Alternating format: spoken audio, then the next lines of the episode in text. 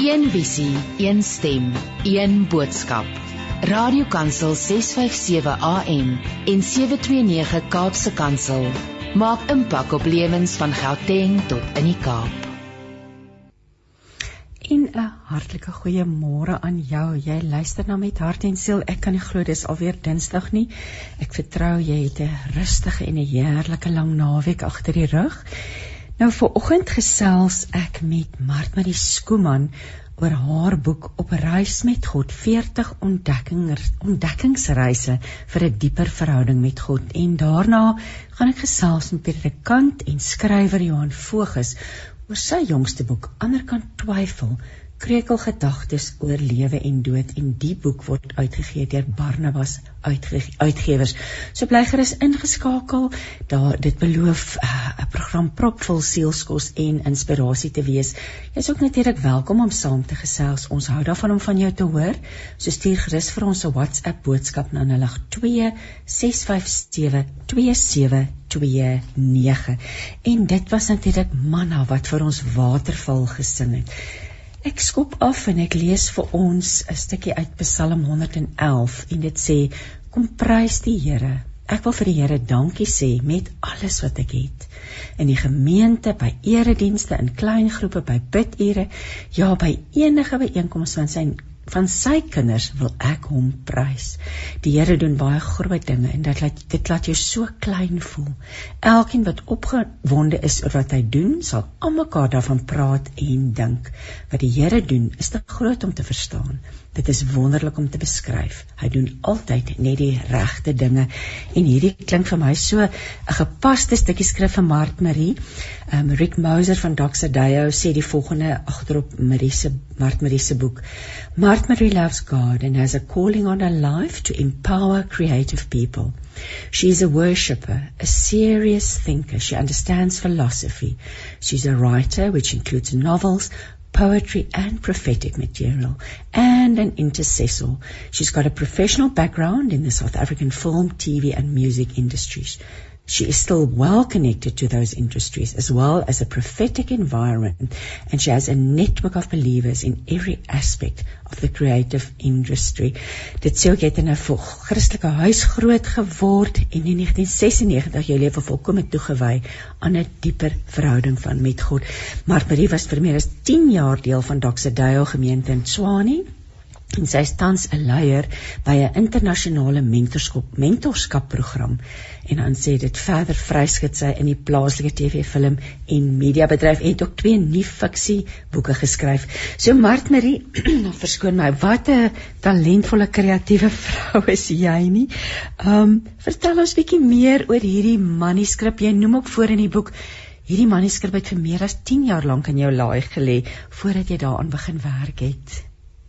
Môre Christine. Ehm um, ja, hier sien hierdie ehm um, op reis met God is op 'n groot manier eintlik maar bietjie van 'n van 'n biografie. Dis eintlik maar net dis dis op reis met God saam met my. Ehm um, dit was vir 'n seisoen wat ek in Oudtshoorn gewoon het. Ehm um, het ek en dit was baie kort seisoen. Dit was maar so 9 maande wat ek in Oudtshoorn was. Daar het ek vir die kunstefees gewerk en tussendeur het ek aan die boek geskryf want ek het regtig gevoel dat wat binne in my is moet op papier kom. Ehm um, so dit was 'n dis 'n baie persoonlike reis. Ehm um, jy weet goed dat ek maar jy weet ek het geweet ek moet 'n boek skryf met 40 reise en ek het nie geweet hoe dit lyk nie. Ek het nie vooraf geweet wat hoe dit lyk of hoe gaan wat gaan hierdie 40 reise wees nie. So as jy die boek begin lees dan sal jy sien op dag 1 is dit nou hier sit nou op dag 1 en ek weet eintlik nie hoe die volgende 40 gaan lyk nie. So dis baie persoonlik.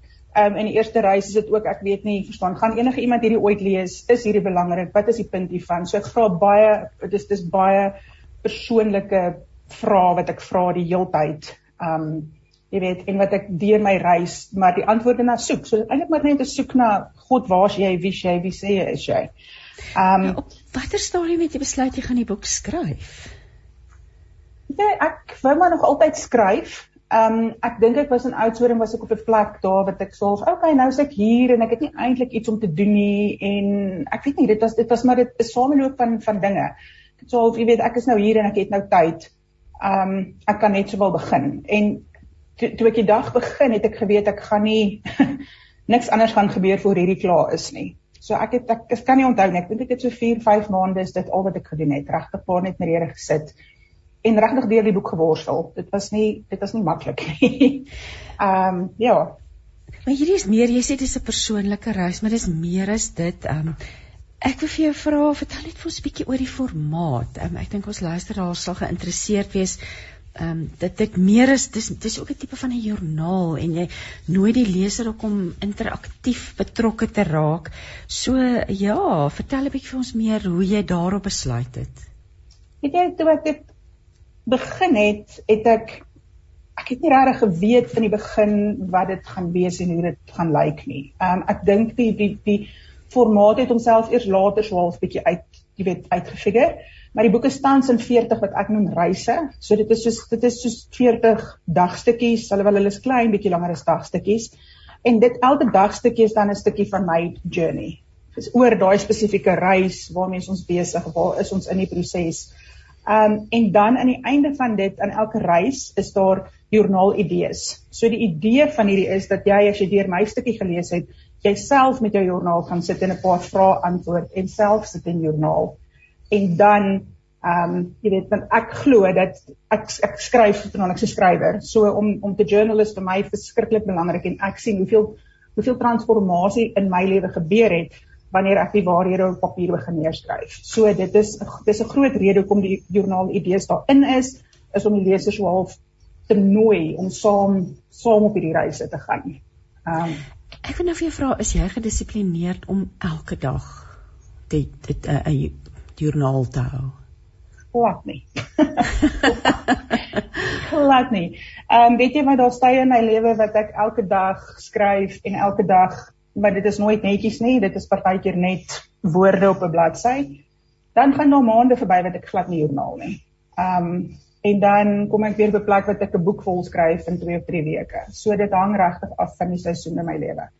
Um ja. Dis sommer interessant. Dis 'n wonderlike ding wat eintlik so bekende ding is, maar wat ons almal nou ons eie begin maak het of baie mense is om joernaal te hou. Wel is dit hierdie vorm van prente plak um ek weet Julia Cameron het praat in haar boek um uh, The Artist Way oor the morning pages dat ons weet amper in ons stilte tyd ook net hier kan sit en joernale hou en skryf. Dit is so heerlike bevrydende. Ek het, ek het ek het dit probeer dit wou nie vir my werk nie. Het dit nie vir jou Dis baie dissipline, nee. Dis hoe ek nou vir jou vra. Nee. Skryf jy elke dag in hierdie joernaal? Nee. Maar natuurlik, ek ek wil nou-nou uitkom by die profetiese waar, waarna waarna daar verwys word ook agter op die boek. Maar kom ons praat 'n bietjie oor wat het jy die boek self uitgegee? Want ek ek bespeur nie ja, die boek van van 'n uitgewer nie. ja, kom ons kom ons gaan terug na die eerste vraag. Dis die boek het vir 10 jaar in die in die laai gelê. So vandat ek ek het in Oudtshoorn gewoon in 2010 dink ek, ek kan nie presies onthou nie. En ek het die boek daar geskryf en ek het daai manuskrip uitgeprint eendag daar by die Postnet en ek het hom in die laai gegooi en nooit weer na hom gekyk nie. Ehm um, En ek dink bloot omdat daai heel eerste reis wat ek geskryf het, is niemand van hierdie ooit gelees nie. Hierdie is eintlik glad nie relevant nie. Eintlik het dit maar net gegaan oor my eie insecurities. Ehm um, het hy daar gelê en ek het net nie eintlik iets met hom gedoen nie. Ehm um, en dan ek dink 'n woord wat baie sterk op die oomblik 'n deel van my lewe is, is transformasie. Ehm um, ek het jy weet in 10 jaar later, jy weet mense groei en ek het op 'n stadium met ek bietjie om gedink en gedink miskien moet ek hom uitgee en nie eintlik iets verder gedink nie. Ehm um, en toe moet maar net weer nog weer in 'n boks gesit en net weer hom gelos. En ehm um, want ek het begin dink dat dit wat ek daar geskryf het, ek dit nie meer glo nie. Ek het gedink dat dit wat ek in die boek geskryf het, het ek het so verander dat dit nie meer die waarheid is nie of dat dit nie meer my waarheid is nie. Dit was toe die waarheid, maar ek het gedink ek het verander. En ehm um, ek dink die mooi ding van hierdie boek en hoekom hy uiteindelik nou in 'n boekvorm is, is tydens lockdown het die Here eendag sê die Here eendag baie duidelik vir my gaan haal bietjie daai boek uit. gaan gaan krap bietjie die manuskrip uit. En ek was net Here, ek weet nie of enigiets wat daarin staan nog waar is nie. En ehm um, toe ek nou eventually my moed bymekaar maak en hom gaan uitkrap en hom begin lees. Ag Christine, ek kan nie vir jou sê nie. Ek was vir 2 of 3 dae wat ek geloop en huil het want ek het die manuskrip gelees en ek het besef ek glo nog elke woord wat daar staan. Ek het al verskil tussen waar ek nou is en waar 10 jaar terug was, is my reis is nou soveel dieper. Ehm um, my reis, dis nog steeds my reis, dis nog steeds my pad, maar dit is nou soveel dieper as wat dit 10 jaar terug was. Jy weet en ek skep in die voorwoord van die boek geskryf terwyl ek dit gelees het, het hierdie vir my die prentjie kom wys is hierdie boek was ek in saadvorm en nou en nou 10 jaar later, is eintlik al meer as 10 jaar, maar nou 10, 11 jaar later is ek in boomvorm. En dit was my so mooi om om net te sien maar niks het niks het verander nie, maar alles het verander. en niks is te vergeefs nie, nê. Ek ja. het nou hier oopgeslaan bladsy 58 en 59 en dis my so lekker mooi van stuk mooi van hierdie boek is jou beskrywing van hierdie omgewing en hier praat jy nou oor die Swartberg pas en gee so 'n bietjie geskiedenis en en en jo en my ag dis net 'n pragtige dit is hier tussen die klippekraans en fynbos en die skelm wandelpaadjies weggesteek van die toeriste kom spandeer ek gereeld tyd naby die aarde voel dit vir my na soos naby God. Stilte stiltye by God. Dis asof God niks hoef te sê nie asof die aarde in haar blote bestaan eer bring aan die God wat God is. Woorde is nie nodig nie. Jo, so dis dis so Opsie. lekker om jy weet verlang ek nou na die Swartberg. ek weet jy ek te verlang na die dae van die Klein Karoo Nasionale Kunstefees. Weet jy, oh, leef het altyd 'n stalletjie daar gehad. Vir jare en jare het ons gegaan en mm. toe het dit ook opgehou en toe het COVID gekom en dis amper so 'n stuk van ons geskiedenis, nê? Nee ja. daai deel van die land en wat 'n voorreg om daar vir 10 jaar te kon bly en maar hoor net hoe praat die Here met 'n mens as mens so afgesonder is nê? Ja yesie en natuurlik ja. sien jy nou mense daardeur vandag. Ons het nou gepraat die, ek weet ek het baie vrae maar gelukkig het ons baie tyd vir oggend. So jy het toe die manuskrip uitgehaal en besef hierdie manuskrip het nog waarde soos jy nou net gesê het, dis ek, maar dis nie ek nie, dis 'n nuwe ek wat nou bestaan. En toe jy self die boek gaan uitgee. Ja, weet jy die die plan aanvanklik was, ag ek is ek is 'n skrywer en weet jy wat, iemand het eendag gesê, daar's daar's 'n spreekwoord wat ons almal sê is go big or go home.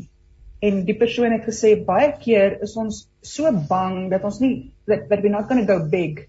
So now we're just not going anywhere. Hmm. En ek was net, jy weet, I don't want to go somewhere. En ek het besluit ek gaan die boek uitgee al print ek net 20 kopieë van hom.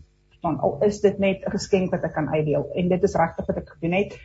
Ehm um, ek het nie ek het homself uitgegee en ek het net gevoel ek wil dit wat die Here vir my gegee het in 'n boekvorm beskikbaar maak. Ehm um, en so hy's nie ja, hy's nie by uitgewer nie. Ehm um, hy staan ook net by my beskikbaar. So dit is rarig net eintlik iets wat ek vir myself wou doen en ek het net gevoel, weet jy wat, al gee ek 10 van hulle geskenk vir iemand, iewers gaan iemand iets hier uit, hier uit kan vat. Um, ek wil jou dadelik geluk wens want dis nie maklik om 'n boek self uit te gee nie, maar die omslag is pragtig, die uitleg is keurig. Um ek hou van die eenvoud daarvan. Um tussendeur is daar skrif, daar's illustrasies. Wie die klein illustrasietjies vir jou gedoen? Ek het hulle gekoop. O, o het jy hulle gekoop? Ek wou net ja, sê ja, ja. ek jy so kunstig ek het gedink jy gaan by self maar pragtig. Nee nee. Um, Advisertjies en dit dit is net regtig 'n keurige boek. Baie dankie. Baie van hoe jy dit gedoen het, die font waarin dit is, die dis dis dis in die lettertipe waarin dit uitgelees. So jy het nou eintlik my ander vraag beantwoord, my volgende vraag, um, wat wil jy deur die boek bereik? So boonbehalwe dat sien net maar hierdie 30 of 10 mense weet gee. Daar's tog iets, daar's tog 'n boodskap. Daar's tog iets wat iets groters, soos jy ook nou self gesê het wat jy sou graag wou bereik deur hierdie boek, nê? Nee. Weet jy, ek dink dit is ek dink dit is die belangrikste wat ek wil hê is dat mense sal dieper groei. En dat mense sal verander. Jy weet dat dat want ek hier kan ek nou prekerig raak en vergeef my daarvoor, maar Jy kan met liefde prekerig maak. Ons hou daarvan hier op Radio Kansel. Ons hou van boodskappe. Wat ja. vir my wat vir my ontsaglik belangrik is, is wanneer ons openbaring kry. En openbaring gebeur net wanneer ons dan ons daar's soveel inligting op die oomblik en soveel mense wat preek en soveel en soveel inligting beskikbaar tot tot ons beskikking veral nou na lockdown. Dit is so maklik om net gou ietsie te Google en 'n preek of 10 of 20 of 30 te kry. Ja. Want so daar is 'n oorvloed van inligting op die oomblik. Maar die openbaring kom net van die Heilige Gees af. Ons kan net openbaring kry van die Heilige Gees. Jy kan 20 preke luister hierdie week, maar geen openbaring hê nie. En openbaring is wat maak dit ons verander. Nie die preek wat die ou op die radio gee vir ons gee nie. Dis en dit is en wat vir my so belangrik is is wat is, is en dit is hoekom daar 'n hoekom die joernaal deel in hierdie boek is. Want jy kan my storie luister en jy kan my storie 10 keer lees, maar niks van my storie gaan jou verander tensy jy 'n openbaring kry wat jou eie lewe kan verander nie. En tensy jy nie openbaring kry van wie God is in jou eie storie nie. Want dis al wat dis al wat verandering bring. Dis al wat transformasie bring is wanneer jy openbaring kry. En dit is waaroor dit vir my gaan is lees die boek en soek jou eie openbaring. Lees die bladsye en vra vir God wat sê hy oor waar jy nou is. Um jy weet en ja. dit is vir my dit is dit is wat ek wil bereik. Ek wil graag hê dat mense aan die einde van die 40 reise moet kom en sê, "Hey, something in my life changed." Weet jy, ek het so lank lank daardie woord openbaring gehoor, nê. Nee. Dit is so kosbaar vir my vanoggend dit as dan 'n een ding is wat liewe luisteraar jy moet onthou van vandag se onderhoud is dalk net hierdie woorde kry soek openbaring nee ons moet goed God se aangesig soek om daai openbaring te kan kry nie waar nie Ja, ja en weet jy wat het ek wat het ek ook geleer is ons kry openbaring wanneer ons oor hierdie goed praat. Ja. Dan as jy praat oor môre gaan jy na jou ma toe of na jou vriendin toe en jy sê jy's ek het hierdie praatjie op die radio gehoor en hierdie vrou het dit dit gesê. Dis dan wat die openbaring kom. Of wanneer ons oor hierdie goed joernaal en hierdie goed uit ons koppe uit op papier kom, dis wanneer die openbaring kom. Ehm um, so dit is belangrik. Dit is belangrik om oor hierdie goed te praat en te skryf. Ehm um, omdat daar so baie inligting is. So uh, en, ja. En weet jy deel van dit natuurlik veral jou boek dit gaan oor 'n periode in die verlede. So dis ook belangrik om terug te gaan en te gaan kyk maar wat het God al in my lewe gedoen?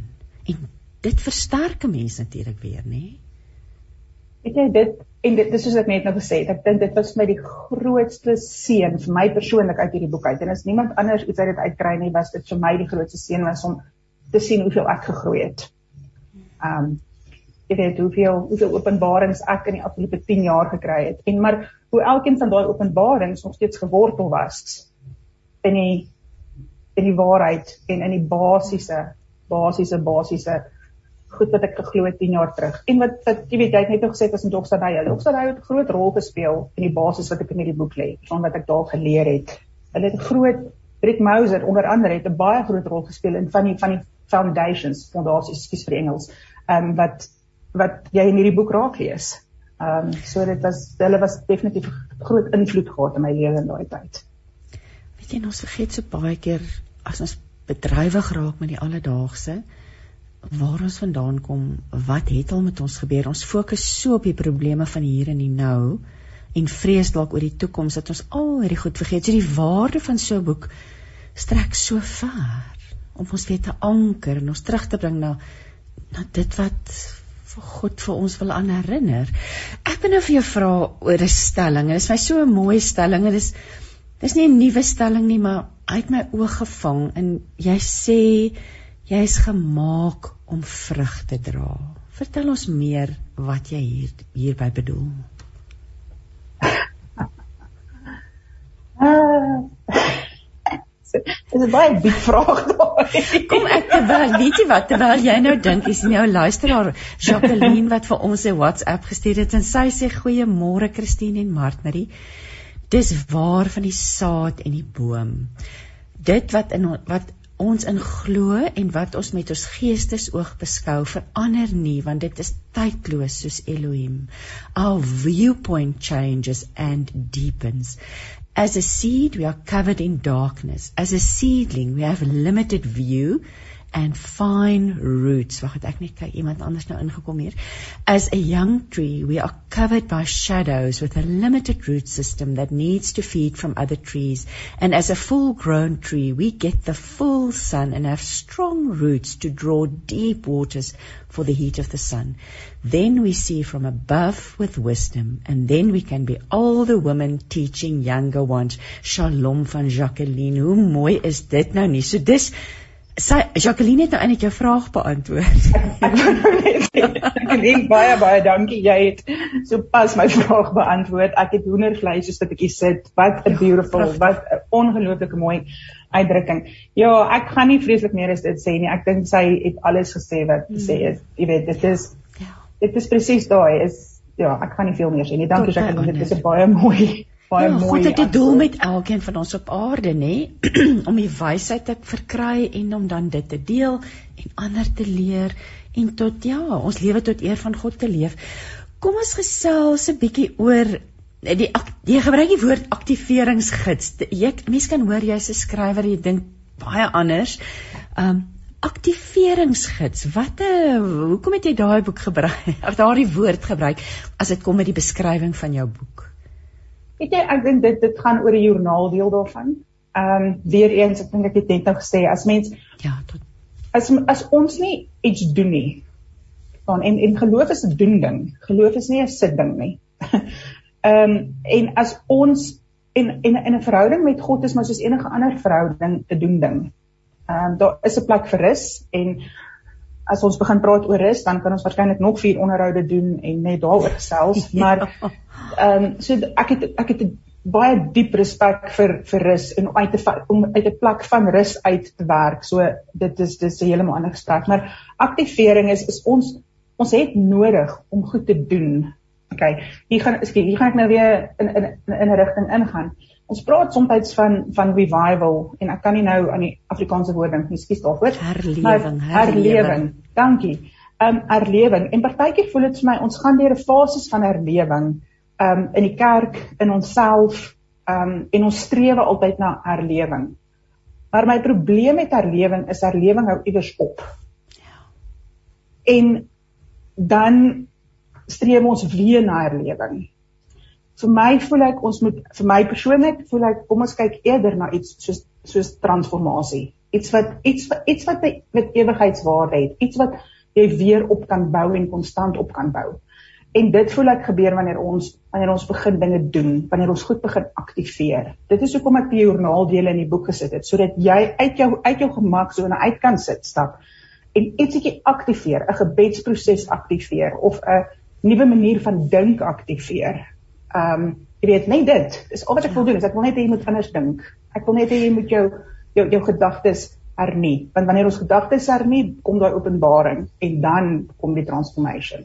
Um, so dit ja daai doen daai daai doen dingetjie en nou praat ek nie van groot dinge doen nie ek het net dink bietjie anders en dit is wat ja dis hoekom ek dit aktiveringsgids noem So ter aansluiting by wat Jacqueline gesê het, ehm um, then we oh, verskoon my tog. Then we see from above with wisdom and then we can be all the women teaching the younger ones.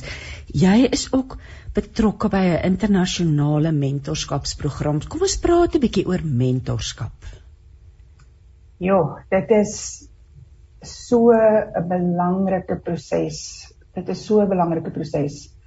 Um en dit sluit weer ek, ek hamer nou op dieselfde woorde, maar dit sluit weer aan by by transformasie om om te verander, daai gedaanteverwisseling. Um dit is so belangrik dat ons in groepe of individueel by mense betrokke is en hulle help deur 'n proses om te verander en te groei.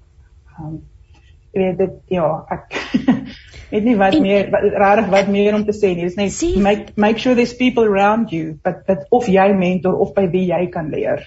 Um en dit dit vat ook vir my hande met disipelskap. O, definitief. Uh def, def, definitief. Um Ja, nee, dit ja, dit dink is maar net 'n ander woord. ander woord eintlik vir mentorskap. Mentor is maar miskien maar die moderne woord, dis kom uit die Bybel uit ja. uit die skrif uit, maar die belangrikheid daarvan om ja, dit wat jy al geleer en ervaar het te deel en ook by ander wat al meer as jy ervaar het te gaan by hulle voete te gaan sit en en te gaan luister. So ja, en is, is dit persoonlik op 'n persoonlike vlak neem ek aan vir jou iets wat vir jou groot vreugde bring om 'n mentor te wees.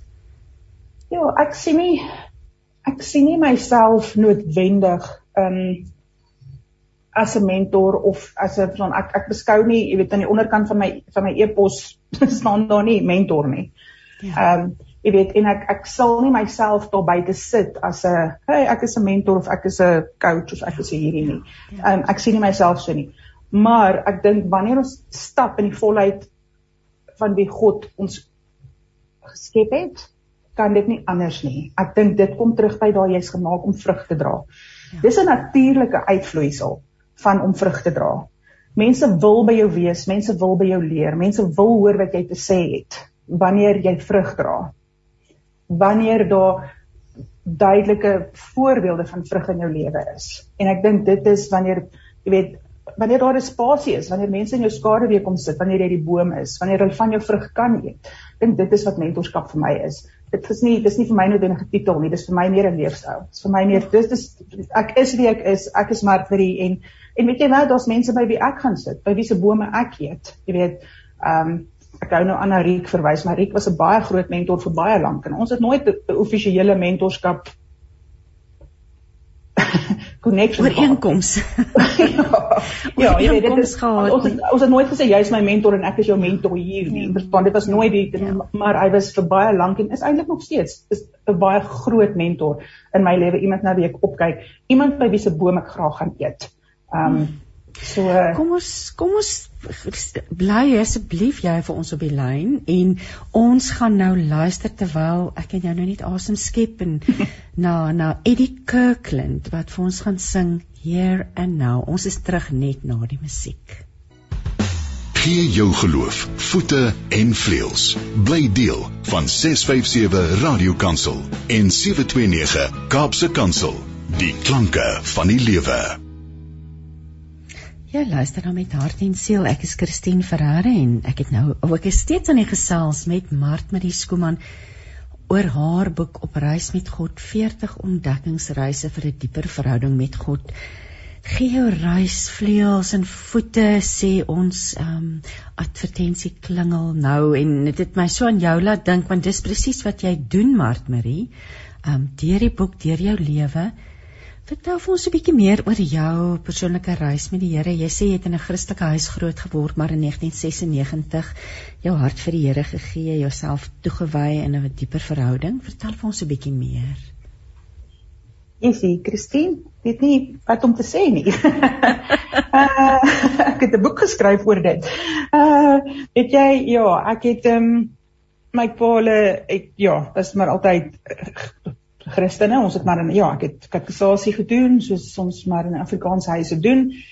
En ehm um, toe het ek vir 'n jaar oor see gegaan en ek toe ek teruggekom het, ag ek dink die Here het maar net 'n plan gehad, het maar net 'n dieper plan gehad. Ehm um, en ek het in 1996 my laat doop en sonder dat ek regtig verstaan en besef het wat dit beteken.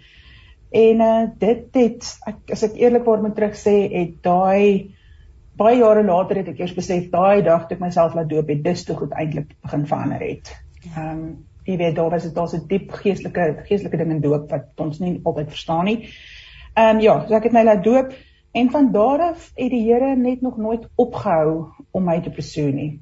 Ehm um, jy weet dit is maar net nog dit is nou hoeveel jare later En elke keer as ek dink, okay, nou het ek dit, dan kom die Here net met, maar ek wil nog bietjie meer van jou hê. Ek soek nog bietjie en dan lê ek weer alles neer en dan weet dan groei mense weer en dan kom die Here weer en sê, okay, maar gee weer vir my alles. Ehm um, so in tot tot tot op 'n punt dat ek so 6 maande terug alles verkoop het. Ek het my huis verkoop, ek het my kar verkoop. Ek besit op die oomblik twee tasse. Ehm um, en dit is wat ek besit. Ehm um, jy weet want ek ek voel dat die volgende seisoen van my lewe gaan ek bietjie travel en dit voel asof die Here sê ek moet net los wees en en reg wees om te gaan. Ehm um, so ja, en tot op daai vlak, jy weet, gee ek elke nou en dan net my lewe op en sê goed Here, wat wat is u plan? Jo, dit verg baie. Ek dink daar's 'n klomp woorde wat ons kan gebruik om dit te beskryf. Ehm um, maar wat 'n opwindende gedagte dat jy enige oomblik daai twee tasse kan vat en gaan waar die Here jou gestuur het na, nê? Laat ek net met jou eerlik wees, opwindend en mallerig is baie naby aan mekaar.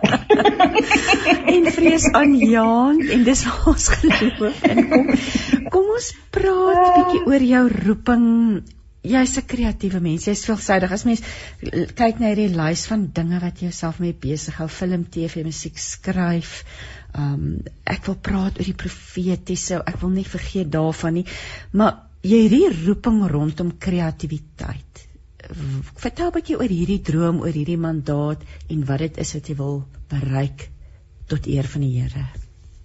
Weet jy wat is my grootste droom? Ehm um, en ek weet nog glad nie hoe dit gaan lyk nie. Ek ek ehm um, ek dink is ja, die Bybel praat van dat ons dit scrolls of daar's 'n boek wat ons lewe in opgeskryf is. 'n um, groot deel van van die mandaat wat ek het is om kunstenaars te bemagtig kreatiewe mense te bemagtig. En dit kan iets van alles wees. Dit kan enige van ons kan is almal creative maar ek dink daar's daar's 'n roep op my lewe om om kunstenaars te bemagtig om sodat hulle kan lewe. Want ek ek is ook 'n kunstenaar, maar ek is ja, maar daar's maar daar's daar's daar's daar's 'n bietjie minder van kunstenaar in my as baie ander mense as ek dit so kan sê. So maar jy verwys na nou meer professionele mense of want weet jy kunstenaars, ons sangers, ons akteurs, ehm um, hulle het deur baie moeilike tye gegaan. Daai mense kry daai daai mense kry swaar en omdat ek in die kreatiewe in die kreatiewe wêreld werk, verstaan net ek ook deur daai swaar kry gegaan. Ek het ook eendag werk gehad en die volgende dag nie. Jy weet. So ek was ook een van daai en maar selfs voor dit het dit vir my gevoel en hier kom nou weer 'n geestelike ding in. Dit voel vir my soos na die Ou Testament kyk. Die Ou Testament dan was daar 12 stamme en 11 van die 12 stamme het beroepe gehad en 11 van die 12 stamme het het, het fisiese werk gehad. Dan was die 12de stam was die Lewiete en hulle was die mense wat die profete was. Hulle was die mense wat die kunstenaars was. Hulle was die mense wat die volk opgebou het. Wat seker gemaak het dat die dat die ander 11 stamme se geestelike pad geseënd en mooi gebly het. Hoe het hulle gelewe? Hulle het gelewe van die inkomste wat van die ander 11 stamme afgekom het as offers na God toe. En vir my voel dit asof so iets van dit moet moet herstel word. En Here, en dit is 'n pad wat ek al vir 20 jaar met die Here stap, presies hoe dit lyk, presies hoe daai homself gaan uitdruk in my lewenstyd nog, kan ek nie vir jou sê nie. Maar daar's 'n dringendheid in my hart om iets te herstel van hoe kan ons kreatiewe mense bemagtig op 'n manier dat hulle kan doen wat hulle veronderstel is om te doen en nie vir 'n eiendomsagent moet gaan werk net om kos op die tafel te sit nie. Um Jy weet so nou dit daar dit dit maak jou daar's 'n Engelse woord kwel. Dit maak dit dood nê. Nee. Dit dit onderdruk dit eintlik. As en jy wat as as as, as, as ons besig is nie. En en as as die ander 11 stamme nie kuns in hulle lewe het nie. OK, dan maak dit dan lê hulle ook onder dit. So daar's 'n gesonde balans tussen daar moet 'n gesonde balans wees tussen tussen kuns en dit gaan nie net oor die kunstenaars nie, maar dit gaan ook na die na die mense toe wat dit ontvang, wat aan die ontvangkant van die kuns is. So daar's 'n gesonde balans tussen ek ek ek skep sodat jy ook lewe kan hê. Ek skep nie net vir my nie. Ja. En nou is die, nou is ons skeppers, ons kreatiewe mense, is nie besig om te skep nie. So die ander mense ly ook skade. So daar's 'n balans wat weer gevind moet word. En Ja, Here help. ja, ek is heeltemal in in ooreenstemming met jou daaroor. Ons het kuns in ons lewe nodig. Um ons leer deur kuns, ons genees deur kuns en kuns op alle vlakke, nie of dit nou klassieke musiek of of, of kunswerke is of teateroptredes, ballet. Ons ons daar ons het dit nodig in ons lewe, nê. God is Definitief. die Hy is die skepper God. So ons het almal hierdie behoefte aan skepping en om kreatief te wees. Ek wil 'n bietjie met jou gesels oor die profetiese want want Riek noem dat jy ook profetiese materiaal skryf. Watter rol speel die profetiese in jou lewe? Ehm um, dit is dis weer iets soos met mentorskap wat ek nie noodwendig ehm um, jy weet die die die label aan myself wil sit nie. Ehm um, ek is ja, daar's definitief 'n profetiese profetiese roep op my lewe. So ek dink net om te kan sien wat ek sien in die kuns en te kan droom oor die kuns en te kan sien dat dit moet anders lyk is amper weet is 'n uitdrukking van daai profetiese. Ehm um, ek het 'n definitiewe gawe om te kan sien hoe die toekoms moet, moet lyk en hoe en om te spreek en lewe te spreek en en en te skep oor dit. Ehm um, maar ek noem nie myself noodwendig 'n profeet nie. Ehm um, ek dink nie ek is dit nie. Ehm um, so ja, ander mense sien tog 'n profetiese gawe in jou rol. Ek dink wel ek dink dit ek dink definitief dis daar. Ehm um, ek dink dis daar maar ek gaan nie verstaan myself op 'n verhoog sit of op 'n radio sit en sê hey bel my ek gaan vir jou woord gee nie. maar weet jy die profetiese dink ek is dikwels iets wat ons regtig versigtig mee met omgaan nê. Ehm um, dit is so kosbaar en dit kan ook Ag weet jy en en het en, het die het die voorhangsel nie geskeur sodat ons self by die Vader kan gaan sit nie weer terug by Openbaring, nê? Verkry ja. jy jou Openbaring? Kry jy jou Openbaring? Ja. Ek, ek ben nou klip in die bos gooi. Dink jy ons het partykeer ons word partykeer lui en ons wil hê die goed moet net alles na ons toe kom. Jy weet ons wil net 'n boekie oopslaan of ons wil of wil iemand anders moet die werk doen of is ek verkeerd? Weet jy Christine, daar's 'n mate van waarheid in dit. Ehm um, daar's 'n mate van waarheid in dit maar ek dink dit gaan ook oor volwassenheid. Ja. Dit gaan ook en ek dink dis waaroor op reis met God gaan is is is om jou te jou te, te leer en te lei tot volwassenheid. Want weet jy wat, ek dink jy kan hierdie boek 4 keer verstaan een keer 'n jaar lees en elke keer gaan jy iets anders uit dit uitkry ja. afhangende van hoe jy volwassenheid gegroei het. Want kinders kinders het nog steeds nodig om gevoer te word. Kinders het nog steeds nodig om na gekyk te word. Ehm um, en dit hang absoluut af van jou volwassenheid. Maar ja, ons lewe in 'n ons lewe in 'n wêreld en 'n sosiale omgewing wat alles vir ons gevoer word. Ehm um, ons lewe nie meer in 'n wêreld wat ons bietjie moet werk vir vir goedjies nie. Ehm um, so, so ja, daar is 'n bietjie waarheid, daar is 'n bietjie waarheid in dit. Maar ek dink ook as jy regtig ernstig is oor die Here en jy wil groei in hom dan dan doen jy die werk. Dan doen jy die werk. Ja. Ja, maar spandeer die tyd jy dit staan ook agter die boek dat jy mense uitnooi dat jy die leser uitnooi nie net na 'n dieper verhouding met die Here nie maar ook om nie te dink oor alles wat saak maak. So ek gaan nou vir jou vra, wat is die dinge wat vir jou die meeste saak maak in die lewe? Weet jy wat dit hang af van oomblik tot oomblik. dit hang af van van seisoen tot seisoen. Hmm. Ehm um, Ja, ek op die oomblik ehm um, woon ek by familie en op die oomblik is dit wat vir my saak maak. Ehm um, is om dit was my so mooi hierdie laaste lied wat ons geluister het was Here and Now. Dit was sy titel. Ja. en en weet jy wat dit daai is een van die grootste goed wat ons kan leer is om in nou te lewe. En wat nou vir my saak maak is is hierdie onderhoud en die familie waarby ek nou bly. Môre kan iets anders my saak nog. Môre kan ek my tassies pak en dan word visas en hoe kom ek oor see en daai tipe van goed dan kan dit saak maak. Hmm. Ehm um, my verhouding met die Here en om seker te maak die mense om my ehm um, eet van my vrug. Ehm um, ek dink jy weet en voel veilig by my. Ek dink dit is wat vir my saak maak. Ehm um, maar dit dit, dit hmm. lyk elke dag anders. Ja, dis baie mooi gestel baie by jou leer Mart Marie. Kom ons praat oor temas. Daar moes tog dinge wat daar moes tog temas miskien nie die regte woord nie, maar daar was wyshede, daar was goeters, dinge, temas wat wat vir jou uitgespring het. Daar was tog seker kerngedagtes in die boek wat wat wat jy agtergekom het, maar die Here wil hê ek moet hieroor praat. Ja, die die boek begin baie by of begin is gaan maar oor selfbeeld, selfliefde. Van wie's ek? Mm. Wie dink ek is ek? Hoe sien mense my? Um jy weet dit dit gaan daaroor. Dan so 'n bietjie verder lees, dan gaan jy sien ek begin die vrae vra vra vra van wie sê God is hy? Ja. Jy weet, nie wie sê die wêreld is hy nie, wie sê God is hy? Hmm. En dan jy weet gaan dit oor na wie sê ek is die Vader en wie is die Vader vir my? Wie is Jesus vir my? Hoe lyk Jesus? Wie is die Heilige Gees? Hoe lyk die Heilige Gees? Hoe beleef ek die Heilige Gees?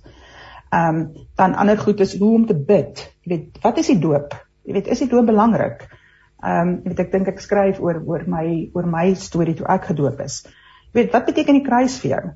Jy weet, en dis 'n interessante ding, want die kruis kan vandag ek beteken vandag vir my iets anders as wat dit 10 jaar terug vir my beteken het. Ehm um, jy weet, so wat wat beteken daai wat beteken die kruis en die opstanding vir jou? Ehm um, en dan 'n groot een is wat beteken geloof vir jou? Hoe lyk geloof? Hoe lyk dit vir jou om geloof te hê? Want dit lyk waarskynlik anders vir jou as vir my.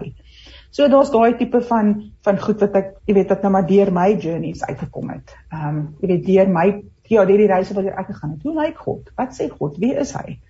Ehm um, en wat ek agtergekom het, baie keer blyk hy baie anders as wat ek gedink het. Ehm um, en dis hoekom die joernaaldele van die boek belangrik is, want in die joernaaldele sê ek vir jou, gaan skryf neer hoe lyk die prentjie as jy aan Jesus dink. Ehm um, jy weet en as ek moet teruggaan dan lyk daai prentjie nou anders as selfs net verlede week. En so dis 'n konstante verandering en dis die ding wat ons van Jesus en God moet verstaan. Alhoewel hy altyd dieselfde is, is hy ook konstant besig om te verander. Ons kan nie, daar's nooit 'n ou version van hom nie. daar's altyd 'n updated version van van van hom. Ehm um, jy weet en dit is die dit is die mooi van van wie hy is. Ons kan hom nooit ontgroei nie, maar hy trek ons altyd dieper in en nader in om daai om daai nuwe openbaring van hom te kry. Ja, dis mooi vir jy nou sê ons kan hom nooit ontgroei nie en hy trek ons altyd dieper in om daai nuwe openbaring van hom te kry. Dis nou ons geloof vars, nê? Dit gee ons moed om te weet dit stagneer nie, dit bly nie dieselfde nie. Ja, ek sien ons tyd het amper opgeraak en ek is so bang ons kry nie die kans om vir mense te sê waar hulle jou in hierdie boek in die hande kan kry terwyl jy nou nog in so koffer in die hand is. Martlerie, ehm um, Waar kan mense, waar kan luisteraars die boek in die hande kry? Weet jy Christine, die maklikste is om vir my e-pos te stuur. Ehm um, die maklikste is en my dis maklik, my naam is Mart Marie, M A R T M A R I E. Skuman S C H O E M A N @gmail.com. En dis sonder die koppelteken, nê, daar. Dis sonder die koppelteken. Hy ja. word geskryf met die koppelteken Ken maar vir Gmail se onthaalwe is dit net een woord. martmarieskuman@gmail.com. So liewe luisteraar, as jy geïnteresseerd is in hierdie boek en as jy gehou het van wat Mart Marie sê, um, kan jy gerus met haar kontak maak. Mart Marie, een woord M A R T M A R I E .skuman@gmail.com en Mart Marie sal sorg dat die boek by jou uitkom. Maar met die laaste gedag, kan ek dink vra dat daai dame wat vir ons daai mooi stukkie van die boom gestuur het, sal dit omgee met my te e-pos. Dit was regtig. Jacqueline, as jy nog op die lyn is, asseblief. Of jy nog luister, saam luister nie. Um uh dit is natuurlik met jy as jy wil gaan kyk, dit is op Leef ag Radio Kansel se WhatsApp feed. Die wat mense tog in Afrikaans op die Nee, ek gaan nie weer nie. ja. Dit is daar beskikbaar nou Jacqueline dit 928 ehm um, geplaas. So dis sommer daar as sy dit nie direk vir jou stuur nie. So ek weet nie of Jacqueline ja. of luister nie. Um, maar dit is pragtig nê. Nee. Dit is werklik mooi. Ehm um, laaste gedagtes van jou kant af Martnerie? Yes, jy weer. Soek die Here. Bly aan, hou aan. Just still stop soek soek eintlik nie eers soek hom nie want hy is daar. Wees net bewus. Wees net bewus van sy teenwoordigheid en van sy liefde vir jou vandag. Dit want dit is so daar. Daar's nie niks wat ons kon doen of gesê het of gehoop het of gedroom het kan hom weghou nie. Daai is een van my gunsteling gunsteling verse in Romeine is niks kan ons skei van daai liefde nie. So word vandag net weer bewus van daai van daai liefde. Hoorie Jacqueline het ons nou geantwoord. Sy sê Yeshua is a constant change simply because he reveals himself in the measure we are willing to let him. En sy sê ja, ek sal dit vir haar aanstuur. Shalom Jacqueline. Dankie Jacqueline. Dankie ook vir jou pragtige woorde, nê? The measure in the measure that we are willing to let him in. Ja, dankie dankie. Lieflik, hoorie dit was 'n heerlike gesprek geweest maar dankie Christine. So geniet om met jou te gesels en ag, mag die Here jou seën wat die toekoms op reis met God. Ek voel daar lê dalk iets daarin. Ehm um, die tasse is gepak, maar dankie dat jy ehm um, jou lewensreis met ons gedeel het tot waar jy nou gekom het en en dat jy ja, ons uitdaag om nie te dink oor die dinge wat saak maak. Weet jy, daar's ook vir my 'n stukkie eenvoud wat weer terugkom, nê? En die goed wat jy sê, dis die basiese goed wat ons partykeer net weer miskyk. So ek waardeer dit ook van jou baie. Um, so ek gaan net gou die die die e-posadres herhaal. Die boek is slegs beskikbaar by Mart Marie se dit self uitgegee. Um lekker lywige boek met 'n pragtige blou omslag. Um die titel is Op reis met God 40 ontdekkingsreise vir 'n dieper verhouding met God. Jy kan vir martmarie.skuman@gmail.com e-pos om die boek in die hande te kry. Baie dankie Mart Marie. Ons gaan nou tot sien sê um, en ons gaan nou luister na Ronel Erasmus wat sing Oral is u. Een visie, een stem, een boodskap. Radiokansel 657 AM en 729 Kaapse Kansel maak impak op lewens van Gauteng tot in die Kaap. Jy luister aan met hart en siel hierdie boodskap van Annetjie aan Mart Marie Mart Marie koop jy luister nog sy sê mag jy van krag tot krag gaan in Jesus liefde. En nou gesels ek met Johan Voges en ek moet net voordat ons afskop uh, Johan se se CV voorlees hier agter op die boek. Um, terwyl Johan Voges met sy MSc Agriek aan die Universiteit van Pretoria besig was, het hy teologie begin studeer. Hy voltooi sy uh, teologie graad en in 95 'n DTH, 'n D-teologie graad in praktiese teologie. Hy was voltyds predikant in Standerton, Linwood, Um, hy dien op die moderamen van die noordelike en die algemene sinodes en na sy aftrede was hy deeltyds predikant in Sabie, in Graskop en Krissies meer gemeentes. Tans woon hy in Nuisna. In April 2021 het sy vrou Martie met wie hy byna 47 jaar getroud is, hom ontval. Na sy aftrede het hy meer voltyds begin skryf en publiseer. Daarom kan ek sing, miskien is daar hoop en hy was ook medeskrywer in 'n in 'n bietjie reën Bybelmedia 2019 en nog 'n boek 'n handvol hoop Bybelmedia 2021. Maar nou hou ek die jongste boek uit die pen van Johan Voges in my hand. Um groen omslag met 'n pragtige veertjie op sulke spikkels pink. Die titel is Anderkant twyfel kreukel gedagtes oor lewe en dood en dit word natuurlik uitgegee deur Barnabas Publishers deel van die Christelike Lektuurfonds. Goeiemôre Johan. Ons gaan net gou kyk wat daar gebeur want ek sien vir Johan maar ek kan hom nie hoor nie. Ons is hier op Zoom. Ek gaan intussen terwyl ons wag vir Johan um, se klank om na ons toe terug te kom, het um, ek wil ek so uit die boek uit lees vir ons. Dit is 'n interessante boek baie interessante gedagtes. Dit sê ons beste woorde raak papier dun wanneer die dood se skade wees oor ons lewe val. En Johan weet dit so goed. Hy sê dis 'n kosbare kind en sy liewe vrou groet. Elke slag moet sy van vooraf leer leef. Presies dit kry hy reg met soveel integriteit, eerlikheid en geloof. Op hierdie moeisame reis het Johan 'n klompie asemrowende uitkykpunte op God se goedheid raak geloop. En nou nooi hy ons deur die loop van hierdie boek uit om langsom te kom staan. Met deernis en groot wysheid begelei hy ons om God op mooi maniere raak gesien te kry. Saam met Johan leer ons wipplank ry saam met twyfel, vrae, geloof en hoop.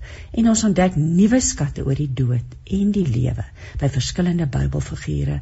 In hierdie boeiende ontdekkingstog deur die Bybel en deur die lewe word ons geleer om reg te soek en te vra, maar ook om met hoop aan te hou leef.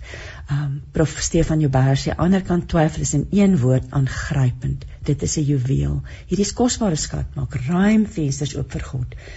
Op God, die lewe, die dood en op onsself. Ek probeer nou net uitvind. Ek sien vir Johan op die skerm, maar ek kan hom nie hoor nie. Klink vir hy is nou op die op die foonlyn.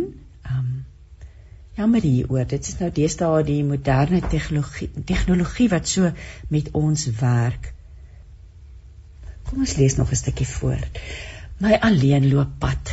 Johan skryf: Wat maak alleen agterbly? 'n Moeilike pad om op jou eie geloop te kry. Saans alleen slaapkamer toe om, om te loop slaap daar in ons bed. Soggens alleen opstaan en aangaan in wat ons wat van ons oorgebly het. Om in al die alleen wees weer 'n nuwe eie rotine gemaak werk te kry. My eensaamste plek in elke dag is oral waar ek jou nie kan kry nie. Ek sukkel, ek sien wat nou gebeur. Ek wonder of ons van die skerm is hier besig om voor my te beweeg. OK, Johan is op die lyn. Ek dink ons het opgegee op die Zoom. Goeiemôre Johan. Hey Christine, ek, tog nog nie jy praat met jouself of praat jy met my? ek sien vir jou, maar ek het nie weer 'n probleem aan die kant in my skerm. So Alright. jy sien net my naam. Ek sien vir jou daar, ek het jou nou gesien opstaan, maar ek sien jy's op die foon, maar ja, uiteindelik ja, kom ons by mekaar uitkom. Dit het my nou egter die geleentheid gegee om vir ons lesers van hierdie pragtige kopie voor te lees. Um Johan, kom ons begin by die titel van die boek. Um dis 'n interessante titel. Wat het jy op hierdie titel laat besluit en wat wil jy oordra aan die leser deur hierdie titel? Christine, ehm uh, dankie vir die geleentheid. As ek sou kan sê aanvanklik was die titel van hierdie uh boek gewees Doodgepraat as 'n woord wat ek gekies het met so 'n dubbelsinnige betekenis dat ons ja, ja. baie min oor die dood wil praat of as ons daaroor praat, is dit eintlik dit doodpraat. Ja. Tot ek te maar besef het ehm um, ons moeilikste ding is uitdagings is nie om te praat want sy het my gesê toe die dokter van gesê hoor hierdie uh, kanker wat jy is terminaal en sy het my gesê ons praat oor die begrafnis en wat mag jy daarna doen en nie mag daarna doen. Ek kom ons agter die moeilikste ding is om te bly lewe terwyl jy doodgaan. En dit was nogal 4 jaar se uitdagende pad om te loop daai ding van hoe jy hoe hou jy aan lewe. En dis wat die titel van die boek toe gegroei het tot aan die ander kant ou se twyfel dat my altyd dink aan uh, as jy mens Lukas 24 lees van Klopas ehm uh, en die ander persoon wat daar loop op pad huis toe terug Emmaus toe en Jesus dan saam met hom loop daai Klopas is waarskynlik sy ander naam is Klopas of van ons leef lees. En dan is Jesus se oom en tannie wat op pad is van Jerusalem af terug Emmaus toe. En wat doen Jesus as hy in plaas van as jy nou dink by Kersfees wat so 'n ongelooflike fees was daar in die hemel en jy indink hoe moes dit gewees het met sy opstanding En hy sê eers nee, wag so 'n bietjie oor die opstanding. Ek moet nou eers met my oom en tannie saam beloop kry. Ja. En dis vir my eh, in 'n sekere sin wat in die titel impliseer tot aan ek kan twyfel. Daai beter dat die Here met my saam geloop kry op 'n manier wat ek dit nie altyd gesien nie. En die woord krekel gedagtes. Dis 'n interessante woord, maar dit sê eintlik alles, nê. Dis dis nie gelyk, dis nie vlak nie, dis moeilik. Daar's krekels, daar's op en af. Ja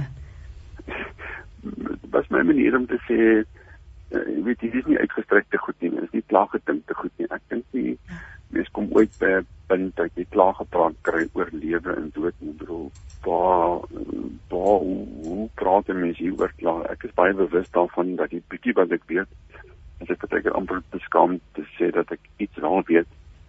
As dit in die voorwoord wat eh uh, Kasper geskryf het van die persoon wat gesê het dat hulle wat weet sê nie en hulle wat nie weet nie, ons het praat oor die goed. Ek voel daar vir die ouens. Ek weet nie niemand ek weet nie. So dis ek moet skrekel gedagtes is.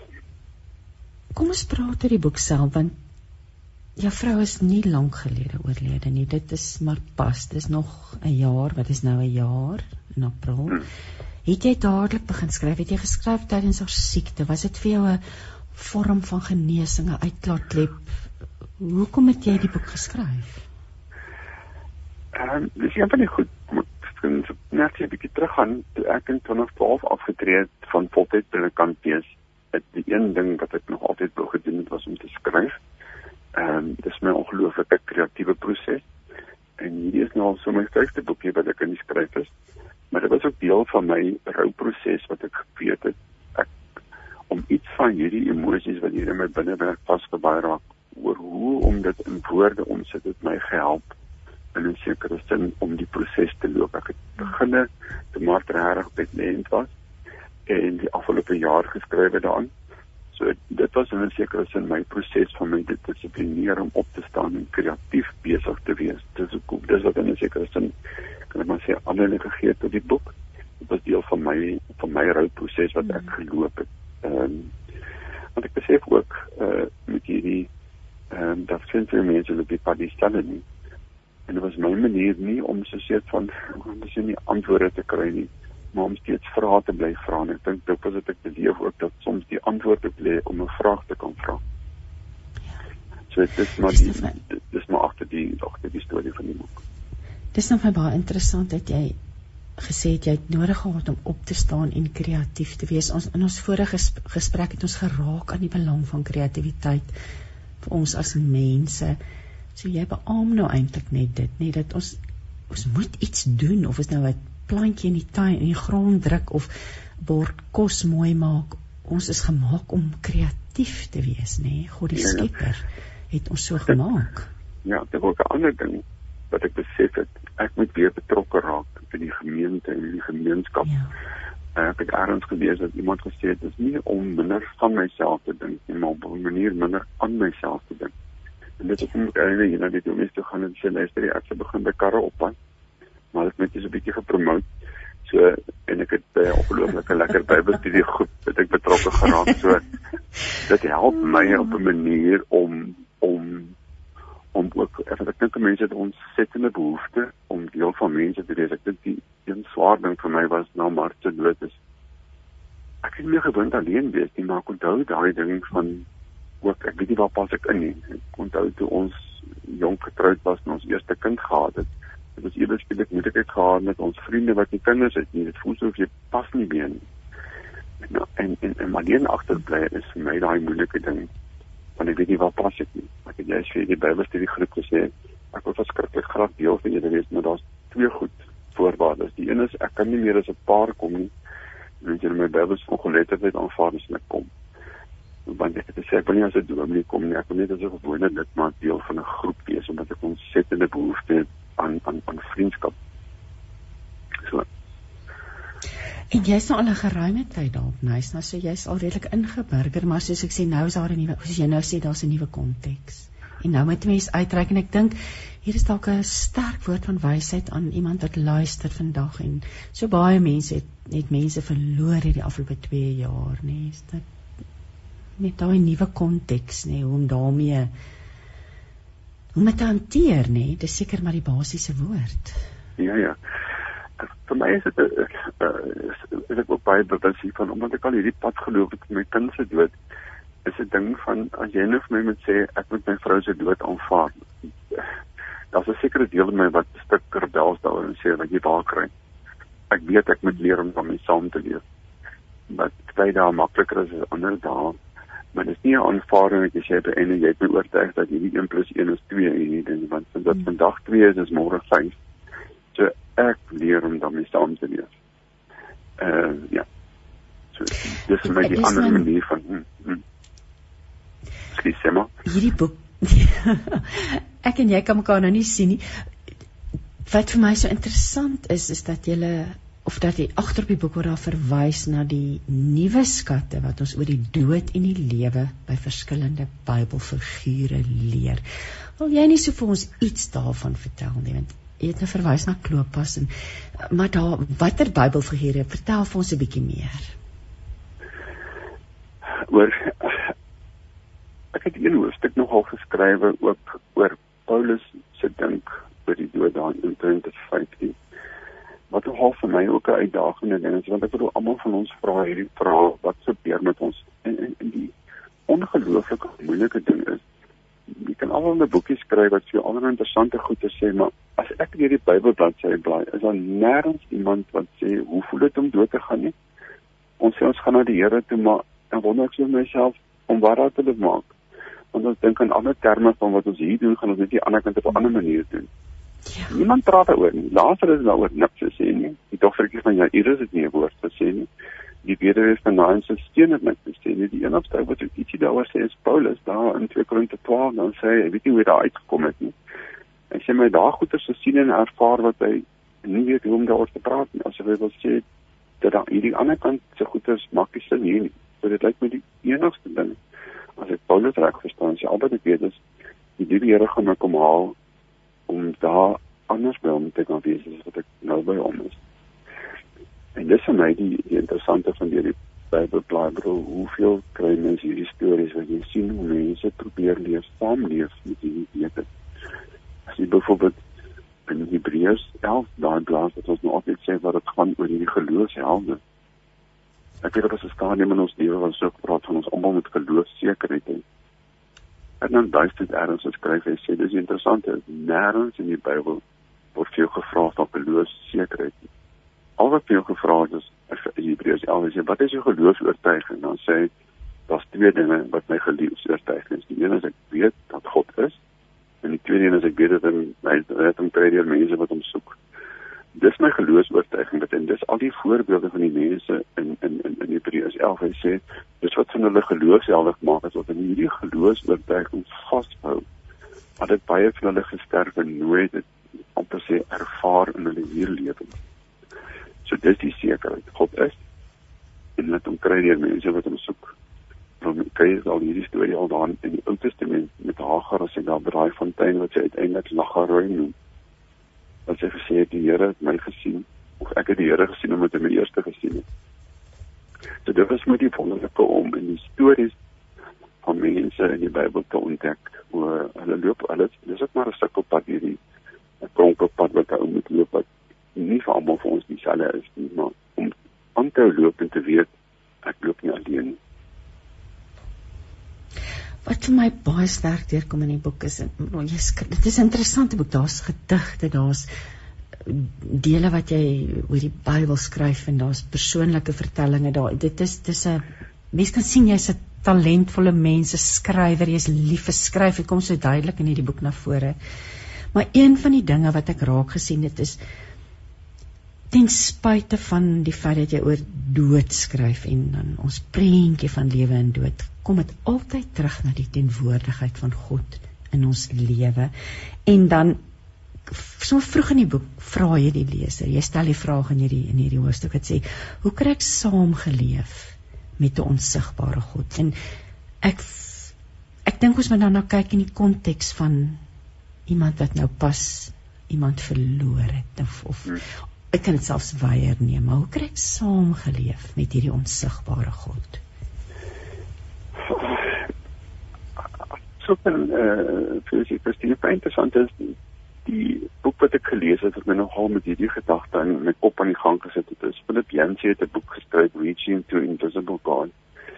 En hy gesê dis een ding wat moeiliker is as om 'n verhouding met 'n onsigbare God te hê en dis om glad nie 'n verhouding te hê. Ja. En die interessante is wat hy eintlik sê is in die ontdekking van 'n mens se rouproses is daai ding van dat God is onsigbaar, maar hy's nie onsigbaar nie. Ehm um, bedoel die dood van iemand naby jou krap swarig, jou prentjies oor God baie uit. Dat dan daai gebruik my mooi voorbeeld hy sê ons almal staan met kiekies in ons hande oor wat ons geneem het oor wie God is, deur dit met ons goed te gaan. En dan die dag as dit jou moeilik gaan, want sy tyd met hierdie ou kiekies en dan sy allerhande kwaadheid oor die Here wat hy moes gedoen het en kon gedoen het en nie gedoen het nie. En die probleem is nie die Here nie, die probleem is my kiekies wat ek in my hand staan wat nie met tel nie wat nie meer werk nie. En dan kan ek nie vir die Here daaroor uh amper sê 'n kwaad raak nie. Ek met ander woorde vir myself sê as ek regtig nog oop terug by die emos gaan as ek verras kan word met God se teenwoordigheid. Kan ek baie gebruik net as ek 'n mooi beeld hy sê hy vir die eerste keer hierdie ding van ons sigbare God verstaan dis en met sy kinders wegkruppie gespeel het. Hy sê nou hou my hy oor toe en dan sy seun en sy seun het al weggekruip en sê okay pa, is reg. Dan sê hy maar jy moet nie mond loop maak nie en sê baie is nie. Hy sê maar toe kom hy agter. Sy seun gee sy vreugde is om gevind te word en om weg te wees. En hy sê maar dit nie wat dit beteken om by met 'n onsigbare God teenwoordig te wees met daai vreugde om elke keer verras te word dat ek gevind word. Hy sê sy dogtertjie weer het die snaakse ding gehad. Sy loop weg en dan sluit sy terug en kom staan sy agter. Hy sê hy kan haar hoor asemhaal. Hy weet sy daar. Maar sy oë is toe en hy sê elke keer as hy dan sy oë oopmaak en sy dalk haarself daai verrassing van hulle albei dat hulle te nader aan mekaar is wat hulle wat hulle wat hulle gedink het hulle is. Hy sê is dit nie ook dit is om in teenwoordigheid van ons sigbare God te wees. Nou weet ek ek het eers 'n ander ding gelees wat iemand gesê het, if you know what you're looking for, you will never see what you did not expect to find. En ek dink dit is ons groot probleem dat ons dink ons weet waarna ons soek ons as ons met die Here te doen kry en ons nie oop vir verrassing. Kom ons praat 'n bietjie oor die impak van verlies, van die dood op ons menswees en ons verhouding met God want dis van die dinge wat in die boek aangespreek word wat so 'n neete dop wat moet ons weet vir my is ek jou reg sê dat die impak hiervan kom ek miskien begin so sê.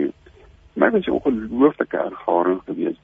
Ek maar ken mekaar 50 jaar, was ons 47 getroud was. En dit was is wat een ding wat ek ontdek het, ek het dit nou is dit om alleen te lewe. Daai ding van ons gewoon, jy raak gewoond aan 'n ons. En nou is dit is dit net 'n ek. Daai ding van ek kom nog deur die dag met my skrywer en dit trok gewees maar vanaand van slaap ek alleen in ons bed. As ek alleen in ons huis. Dit was nogal vir my 'n stilte wat vir my geskree het wat ongelooflik was en hoe om daarmee saam te leef. En dan vang ek daai ontdekking dat die stilte was toe nie omdat sy nie hier was nie, maar ek bedoel met haar kanker doodgaan is daai dan van sê dankie Here dat daar so dinge so sterwensgenade dat daar einde kom aan die lyding. Maar om dan daarna te kan sê wat mis ek? Mis ek al hier wees? En ek bedoel ons hou ook die prentjie sê dankie tog dat jy is waar jy is. Ek gun dit vir jou. Maar wat mis ek hier? Ek dis my beste vroumens vriendin as ek dit net so kan sê. Ek bedoel ek het mansvriende.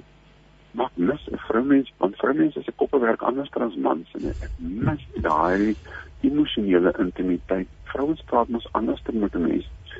En ek het besef daai stilte is ek mis maar en daai wat ons anders kon klik as as as die mense.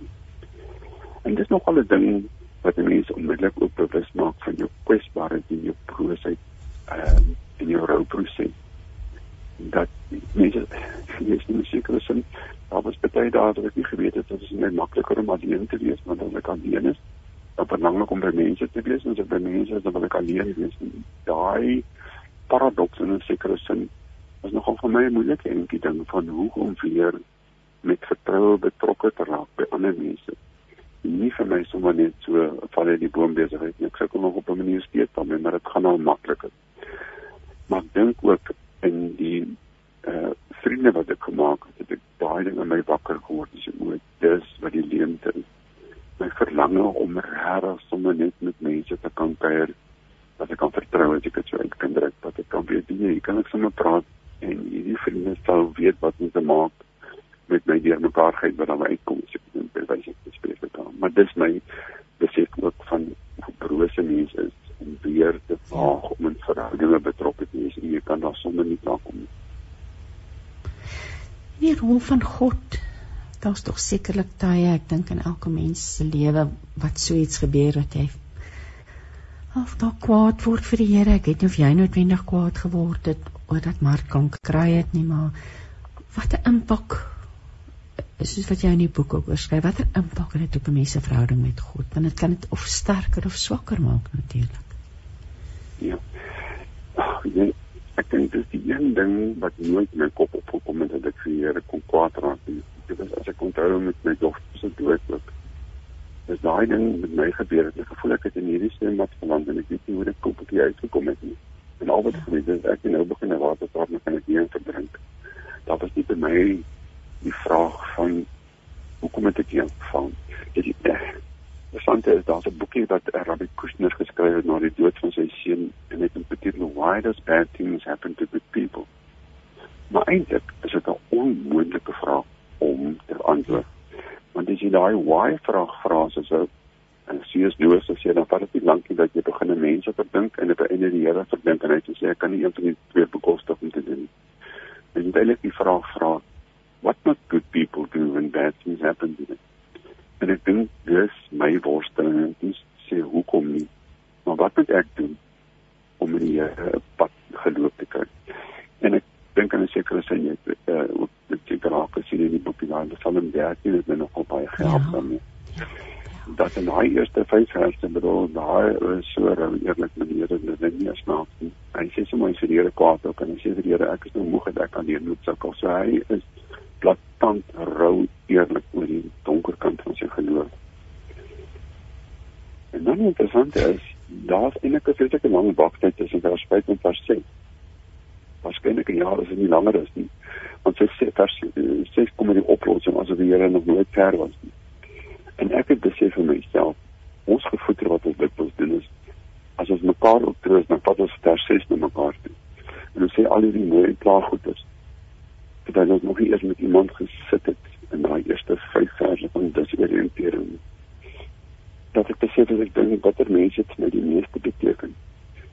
Die ons het binne kom sit het en saam met my 'n versie of twee gehuil het en miskien losmos gesê het ek voel jou pyn en geloop het nie. As mense wat my allernis nou nie vroeg trooswoorde gegee het wat my kop nie voorreg was nie want ek is in die eerste vyf verse, ek was nog in vers 16 ek dink dis my wat rou proses is jy groei na vers 16 om uiteindelik te ontdek hoe ek was nie so alleen soos ek gedink het nie en dat daar tog antwoorde op 'n manier in dit is. Maar as jy die eerste vyf verse het dan kry jy nie sommer raak sien maar weet dat die Here my vasgehou het in daai eerste vyf verse. En my naby mense ook ek dink dit is met die wonderlike ervaring van my gesin ook om my kinders my vasgehou het en my naby vriende. Nie met slim antwoorde nie, maar om nie bang te wees om by my te sit terwyl ek my stukke iets probeer sê of ervaar nie. Jy waai heel wat tyd aan die aan die aan die aan die gedagte of die konsep van troos want ons weet nie wat om regtig te maak met mense wat troos nodig het. Nie soos jy sê ons praat maar ons kom vanuit ons ja, onbeholpe manier. Maar ek hou van die verwysing na Psalm van Psalm 13 dat jy sê ons moet besef jy het nog daar gesit. Jy was nog in die eerste paar verse. Uh, kom ons praat so 'n bietjie meer oor troos. Wat ooh wat kan ons leer? Wat kan jy ons leer uit hierdie boek oor troos? Wat moet ons weet? Ons wat graag wil troos of dalk voel ons weet nie hoe nie. Ehm um, as ek as ek dink aan troos, ek dink ook miskien moet ek dit so sê, ek dink geen twee mense word dieselfde getroos nie. Ja. Ek onthou byvoorbeeld 'n vreeslike interessante ding of my ervaring. Ek weet hoe ons punt oorlede is. As mense of vriende na ons toe kom, dan sal almal vir Marte druk die vriende sê, "Ooh, Piet, ek is so jammer vir jou, maar niemand druk aan my nie, want jy is die dominee, dis van ons stelling te weet en al behoefte wat ek het, vat net aan my ook." druk net aan my ook ek net ek het net so 'n drukkie nodig om ook te voel weet ek sien so flenters as wat ek voel ek is nie want ek dink agter troos wat is eintlik dit ek dink ons het baie behoeftes maar daar's net drie behoeftes wat in wese by ons almal is. Ek die een is ek wil veilig voel en tweede is ek wil liefgehê wees en die derde een is dis beter dit besieg gesê het ek wil nog geweet wees. Ek wil mense met raak sien my vir wie ek is. En as die mense in enige van daai drie seer kry, voel as iemand sterf, wat is die een gevoel wat jy het? Die eweskiedige gevoel van onveilig voel. Jy kan in hoe veilige huis net is nie te sê dat jy voel veilig. En wat maak troos? Is mense wat weer terugkom en my die gevoel gee dat ek veilig is, dat hulle my raak sien. En dat hulle my dat hulle van dat ek dat ek lief gee. Dis my wat die troos in lê in daai ding van te sê jy hoef vir my slim goed te sê nie dan gaan ek my oor die slim goed doen sê maar help my weer verstaan dat ek iets in myself kan ervaar. Dat daar ook so dinge is van getroos ek dink maak my eenvoudig en dis ek dink 'n babatjie jy dink 'n kleintjie hy dis dan toe daai hy op as sy ma optel en net vas en niks om sê nie. Kan dalk vir my 'n bietjie sing of wat ook al maar daai gevoel van naby wees van ek hoor jou. sien jou verstaan jou is my wat die grootste troos is nie. Ek dink 'n mens loop 'n eie pad daar's verskillende tye wat 'n mens verskillende ou nie sê verskillende troos hoek nie maar wat troos 'n ander vraag wat partykeer daar ek onthou ook met my kind se dood gewees wat my kollegas nie altyd weet wat met my te doen nie ek self geweet op myself om te vang net op daar as ek dit net nie ek sit met hierdie om vra en ek het nie antwoorde nie. Ek ek het jou ore nodig om die emosies wat in my is in woorde te kan. En dit is my die mooi van baie van die psalms. Dit is presies wat daai psalms skrywer doen. Hy raak ook goed. Hy vat net soos Job byvoorbeeld. Kan nou dalk sê Job se probleme het begin dis ek nie daar aangekom het maar toe hulle hom oop gemaak het. En wat is Job se grootste behoefte geweest? Hoor my. Hoor wat ek sê. En dit is net interessant as jy teen die einde van die boek as jy nou nader sou jy kwaadheid in die Here vaste dan sien jy van ons reg, ons kan praat met die goed. Maar antwoord my net eers 'n paar vrae sê. Hoekom dink jy ek het hierdie seep gemaak? Dan kan jy op die antwoord. En sê hoekom dink jy ek het 'n krokodil gemaak? Dan kan ek die antwoord nie. En dan antwoord die Here baie interessante ding. Dan gee van die Hebreëse woord, hy sê Job het dit dinam gedoen. Nou in Afrikaans dinam beteken daar is nie altyd 'n verklaarbare rede vir alles nie. Die vraag is pynlik te pronoem. En dis vir my wat ek voel in 'n sekere sin troos om by daai punt te kan ontdek dat mense my help en dis daar's nog nie 'n antwoord nie. Maar help my om te verstaan wat beteken dit om te bly trou, te bly vertrou terug by die boek om dan aan die ander kant my twyfel te kan te gaan. Ek dink dis die krag van die boek is dat jy telkens teruggaan na die woord en en en en vir ons op 'n pad vat wat ons regtig op ander maniere dink. Ehm um, dis my mooi, ek is nou hier by hoofstuk 8 wat jy sê die geloofspad wat ek geloop moet kry is nie aldag ewe maklik nie en dan boonbehalwe die mooi gedig wat jy mee begin vat jy ons na na, na Abraham en Isak toe die offering van Isak as voorbeeld van iemand wat 'n bitter moeilike geloofspad moes loop. Nee. Daai storie vang my altyd. Ek het altyd gedink nogal so vir myself spottenderwys as ek Isak was en ons het teruggegaan huis toe so ek het met Paul voorgeloop het ek sou nie ek sou nie dat hy agter my geloop het. Baie ongelooflike moeilike ding om te sê. Hoekom moet jy dit doen? Bro, dit maak glad nie sin nie. Bro, dit is so gek om dit te verstaan. Nou goed, daar's verskillende verklaringe daarvoor. Maar hierdie ongelooflike moeilike ding en as jy nou dink, bro, ek self 'n pa. As Isak kom maar goed vra sy pa, hy's al nie goeie wat ons moet hê, maar hy's nie hy's nie onverdoen nie en hy hy antwoord en sê die Here sal voorsien. Eh, wat sê hy net daar?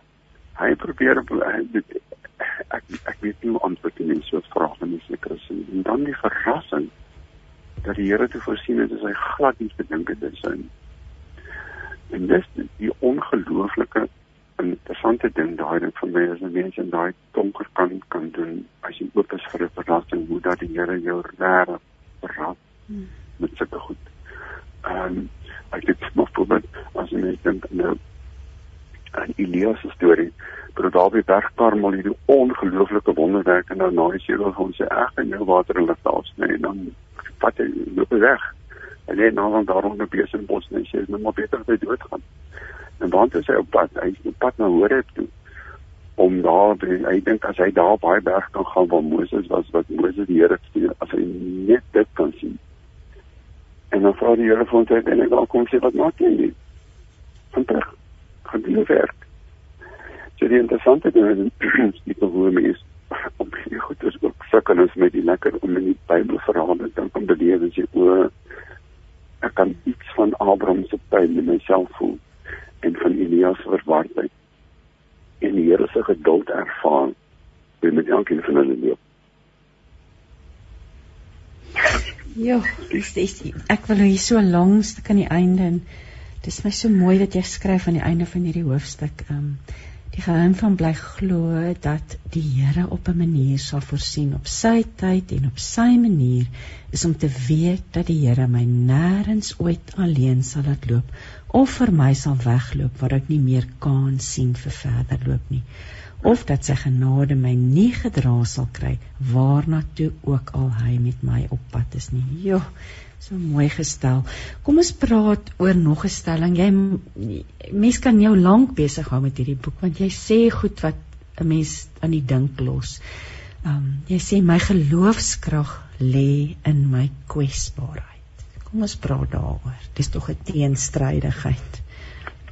Krag en kwesbaarheid. Dit interessante is banaal met 'n ander gegee op die dink is as jy jy Paulus lees dan 22 Korinte 12 dan vertel hy van al die goed wat met hom ervaar het. Hy sê maar uiteindelik wat het hy ontdek?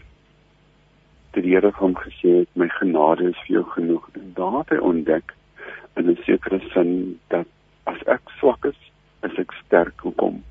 Omdat ek iets besef van ek kan alleen hierdie pad geloop kry om die Here met my saamloop. Dis amper vir my dieselfde wat as ek dink my hele lewe lank ek ek nie regtig hierdie jaar voornemens gehad nie. Ek het altyd hierdie gevoel gehad van kan ek net asseblief hierdie jaar dit ook reg kry om 'n verskil te kan maak. het ek later ontdek dis sê kan ek 'n verskil maak omdat die Here steeds 'n verskil in daai verskil van my maak. As ek dit kan regkry. Miskien moet ek dalk sommer so 'n gediggie vir jou lees wat ek geskryf het oor broosheid. Ja, asseblief, asseblief. Ek sê waar lê die broos en die kwesbaarheid van al ouer raak? Belange wat soos gekrimp truitjies in warm water raak. Of 'n lyf wat nie wil byhou wat ek dink ek nog kan maak. Of is dit in die alleenheid van vriende wat al minder raak? pak ek broosheid niks uit te waai met wat ek kan maak. Dis eerder wat ek van myself dink wat deur mekaar raak. Meer ek toelaat dat die ou mense om my tuis maak, hoe meer mankoliek raak ek in wat ek dink ek kan maak. Here, leer my in broosheid steeds om 'n verskil te maak. Om met u liefde en genade ook in broosheid die opraak. Oh, dis pragtig. Ja die liefde en die genade nie in broosheid opbraak het ek nou reg aangehaal ja ja ja ek dink nogal wil nou raak ons die ouderdom aan en ek dink dit is net so 'n ding waaroor 'n mens diep en lank kan gesels en kom ons praat oor nog 'n aspek wat jy in hierdie boek aanspreek jy sê en ek hou van wat jy sê bid soos jy kan nie soos jy dink jy moet nie. Hmm. Kom ons praat 'n bietjie oor die rol van gebed, veral ten tye van groot verlies en daar lê iets in die ding, bid soos jy kan, nie soos jy dink jy moet nie. Ja ja. So ja agter in in daai hoofstuk uh uh vertel ek 'n bietjie wat vir my 'n ongelooflike ontdekking was wat ek amper as ou predikant moes ontdek het wat die onsse Vader reg beteken. Ek dink ons het van die onsse Vader 'n model gebed moet maak wat hy glad nie bedoel is om te wees nie.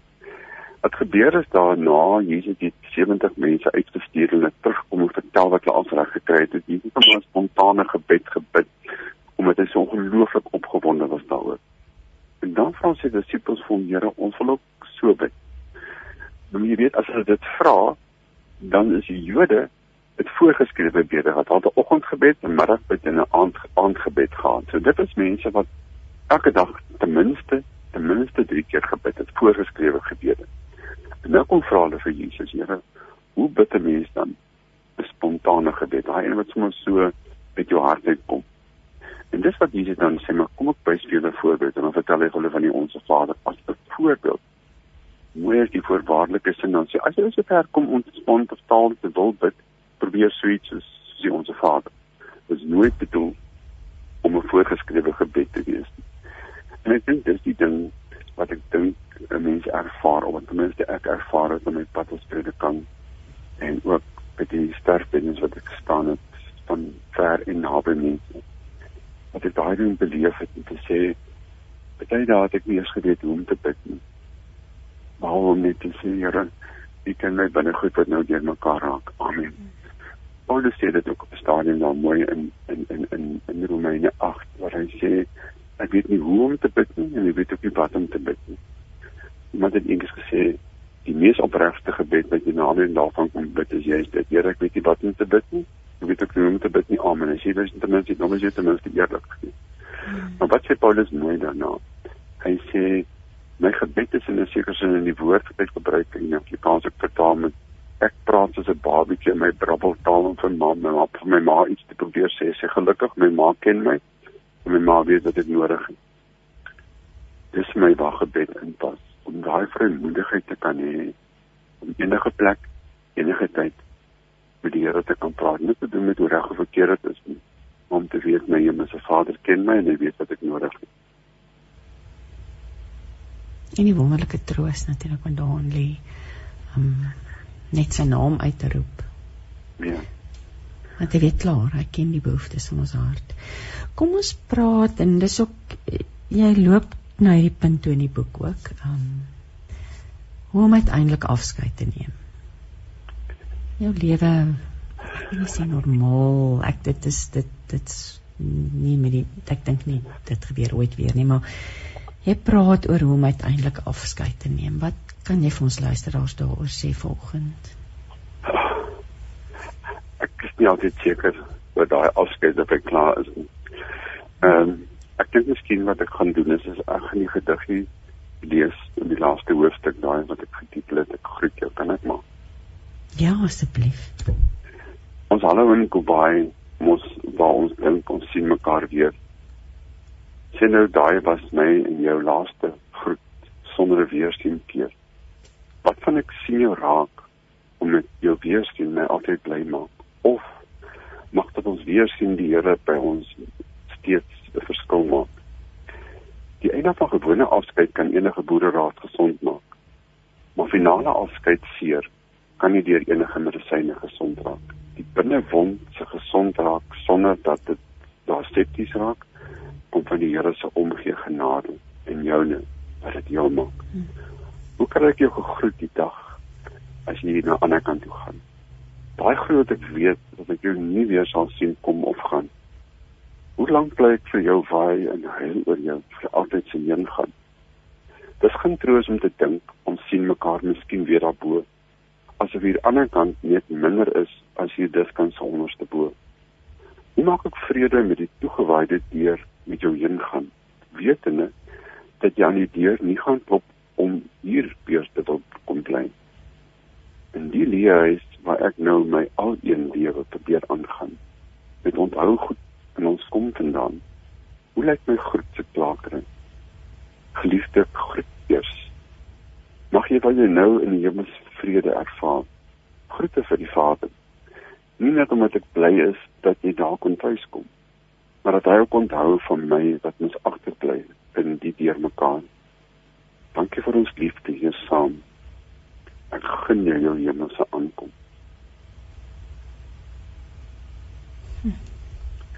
Dit is pragtig. Sjoe Johan. Genesing van skryf, die krag van skryf, die mooi van hierdie skryf van jou. Voor ek vra waar luisteraars die boek in die hande kan kry, want ek is seker daar's mense wat gaan vra, wil ek nou vir jou vra sommer so 'n paar laaste gedagtes. Hierdie tyd is naaste by nie genoeg om oor hierdie boek te gesels nie. Daar's soveel dinge en jy skryf oor die name van God jy ek sê ek sê die boek kan vir jou lank besig hou. Um, maar laaste gedagtes van jou kant af. Dink 'n laaste gedagte van my kant af is 'n ding wat ek en Mark altyd baie hard probeer doen in ons lewe. En dit is nou 'n ding wat ek eendag geluister het na Stewart Jones, 'n gesprek wat hy gehad het. Hy is 'n fotograaf gewees wat vir National Geographic gewerk het.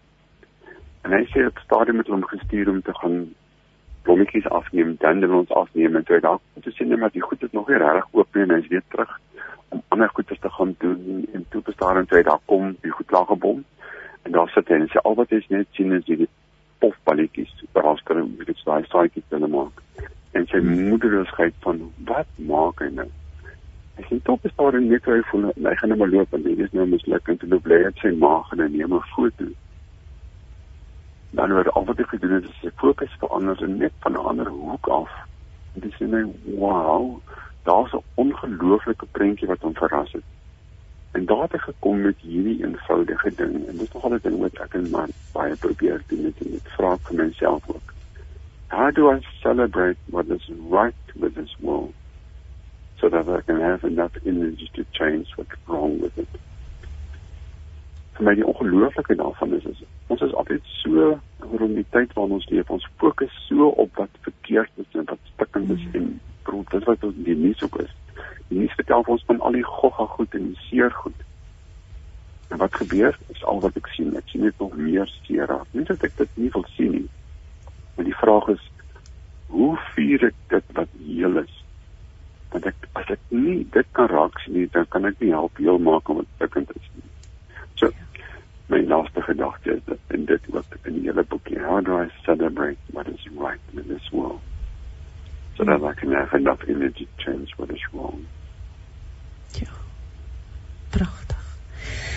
Die boek se titel, ek gaan net herhaal terwyl van mense wat dalk 'n bietjie laat ingeskakel het, Anderkant twyfel kreukelgedagtes oor lewe en dood. Die skrywer is Johan Voges. Ons was nou in gesprek gewees. Die uitgewer is Barnabas Publishers. Ehm um, die webwerf C is die uh, Christian Literary Fund of die Christelike Lektuurfonds www.clf www.rsg.co.za. Stee, um, Johan, waar kan mense nog? Moet hulle net webwerf toe gaan? Is die boek in boekwinkels beskikbaar? Waar kan mense die boek in die hande kry? Kan hulle dit by jou ja. koop? Ja, nee, ek kan nie my onge uh, uh, CLE versprei dit. Die maklikste is jy gaan op hulle webtuiste. Daar sal ek vir jou ook sê waar daar verskillende winkels is waar dit beskikbaar is, maar dit is heel maklik om dit by by hulle te by hulle te kry uh die maklikste is om op die webwerf daar so 'n voorbeeld van die boekie se se buiteblad sien kan hulle met die boekie daar sien. Dit is heel maklik dit. Ehm um, ja. So. Johan, ons tyd het opgeraak en ek wil jou vra om asseblief ons met 'n gebed vanoggend af te sluit. Ja. Hemelse Vader, U ken ons almal. Want U het ons immers in mekaar gewewe in ons ma se skoot. Dankie dat jy nie vir ons wegloop waar ons seer kry nie. Bid asseblief vir ons styf vashou. Ons het die liefde bitter nodig sodat ons nie sal moed opgee in hierdie saamloop nie. In Jesus se naam. Amen. Amen. Baie baie dankie Johan en alles seën op jou lewe op jou boek. Mag die Here jou aanhou gebruik ten spyte van Um, en ja, mag jy nog soveel mense se lewens aanraak en ek ek bid regtig dat hierdie boek tot seën van God en baie mense sal wees. Nogmaals dankie vir jou tyd vanoggend. Dankie Christine vir die voorreg om dit te maak en dankie. Daar sê kom ek sien dis 10:53. Kom ons luister so ter afsluiting na Melanie Vosloo wat weer vir ons voorlees uit haar dagstukkie boek Krag vir elke dag. Kom word daders van die woord saam met 657 Radio Kansel en 729 Kaapse Kansel. Klanke van die lewe. By hom sal jy vrede vind. Ons het nodig om baie gereeld stil te word. Stil. Stil by ons Vader weg van die wêreld se taal, beelde, gebeure, voorbeelde, verwagtinge, weg van die lawaai van die tydelike. Jesus, seun van God het dit ook gedoen. Hy, God self, het in 'n tyd toe ons sou dink dat slow living die norm was, geweet hoe belangrik dit is om gedurig die waarheid te gaan opsoek, by sy Vader te gaan sit. Dis in stil word waar ons opnuut bewus word van die feit dat niks ons van God se liefde kan skei nie. En wat ons dan beleef dat ons kommer en vrees stilweg verdwyn en vrede oor ons daal. Skep elke dag genoeg ruimte in jou dagboek en leefwêreld vir stil word by jou Vader. Dis daar in die stil ruimte waar jy weer bewus sal word van sy stem wat sê: jy is myne. En niks kan ooit vir jou van my liefde skei nie. Romeine 8 vers 38 word ook sommer nou stil by hom en beleef dat hy in jou is. Here ek weet dat u by my is Help my om meer gereeld weg te breek van die wêreld en my krag en moed in U te vind. U wat op my wag. Amen. Jy is ingeskakel op Radio Kansel 657 AM en 729 Kaapse Kansel. Dit was Melanie Vos so uit krag vir elke dag. Marlene Vermeulen het vir ons 'n WhatsApp gestuur. Sy sê: "Môre mooie mensies, ek wil graag na vorige pot gooi luister op my foon. Wat is die beste manier om daarby uit te kom?" Marlene, jy besoek Radio Kansel se webwerf www.radiokansel.co.za en daarbo-aan is daar 'n um, 'n plekkie wat vir jou wys pot gooi. Klik daarop en dan kan jy ook natuurlik die gepaste potgooi daar vind. Ehm um, ja, jene, dit is 10:56 tyd geraak om te groet. Ek wil dankie sê vir ons gaste. Ek wil dankie sê vir Pom manne wat die tegniese versorging behartig het. En kom ons sluit ons oggend saam af met hierdie lied van Jakobus Silwer wat sing genade vir Afrika. Genade en vrede vir jou vir jou week. Ehm um, ja, en voor ons ons kom kry, is dit weer Dinsdag en kuier ons weer saam hier op met hart en siel. Tot volgende week dan. Totsiens.